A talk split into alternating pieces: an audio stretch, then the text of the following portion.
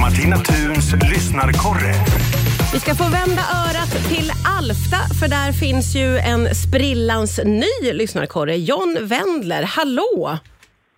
Ja men hallå, hallå. Hallå, hallå! Ja, jättekul att du vill vara med här bland lyssnarkorrarna. Vi ska få ta avstamp där du befinner dig om jag förstår saken rätt. Ja men det tänkte jag väl. Eh, Alfta då, då. det är Ovanåkers kommun, det är södra Hälsingland, det är Gävleborgs län. Då har vi väl ganska hyfsad koll. Mycket bra, jättebra förklarat.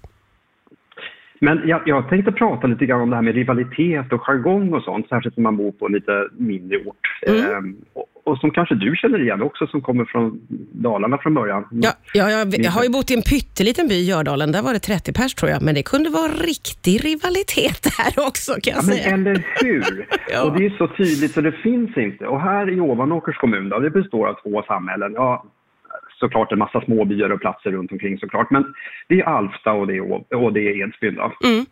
Och eh, här har man alltid haft rivalitet som jag kan förstå det.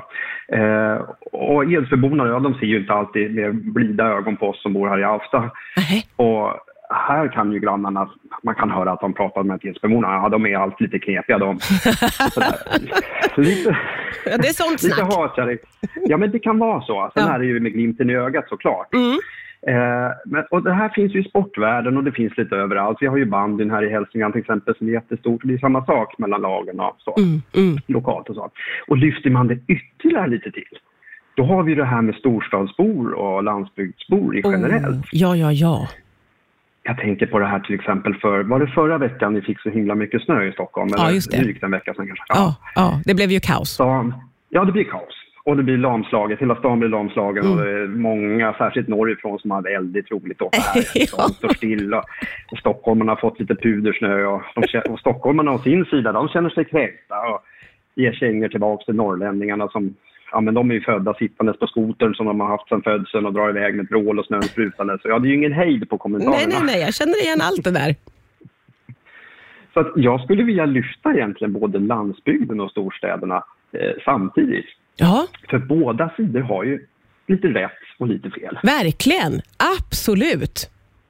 Ja men alltså till exempel, det sägs ju så här, förr gick minsann bussarna fast det var riktiga vintrar och mängder av snö och nu är det helt värdelöst. Ja, visst det gick säkert bussar förr.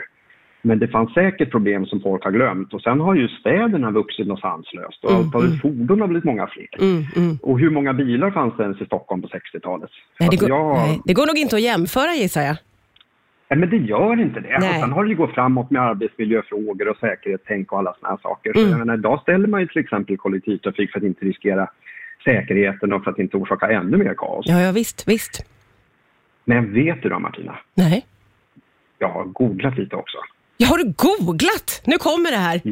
Ja men alltså kors i taket, det händer faktiskt att det blir snökaos norröver också. Nej, du Men det skämtar. pratas det inte så mycket om. Nej men det är sant.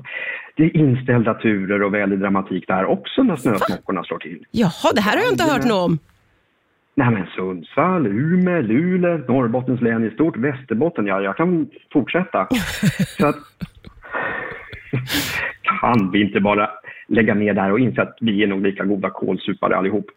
Jag tror att det här kan vi enas om, både du och jag och stora delar av Sverige just nu. Men sen kommer alla att revidera sina åsikter när nästa snöstorm kommer. Det får vi bara vara beredda på John, helt enkelt. Ja men lite så. Och jag menar, det här är ju lite, som du brukar säga när du skärper rösten och ger en känga till klimatförnekarna, det här är ju fakta. det här är fakta. Bra sammanfattat där. John, välkommen till lyssnarkorrefamiljen. Det här var ju underbart. Vi hörs snart igen, eller hur? Ja men det hoppas jag på. Tack snälla för idag.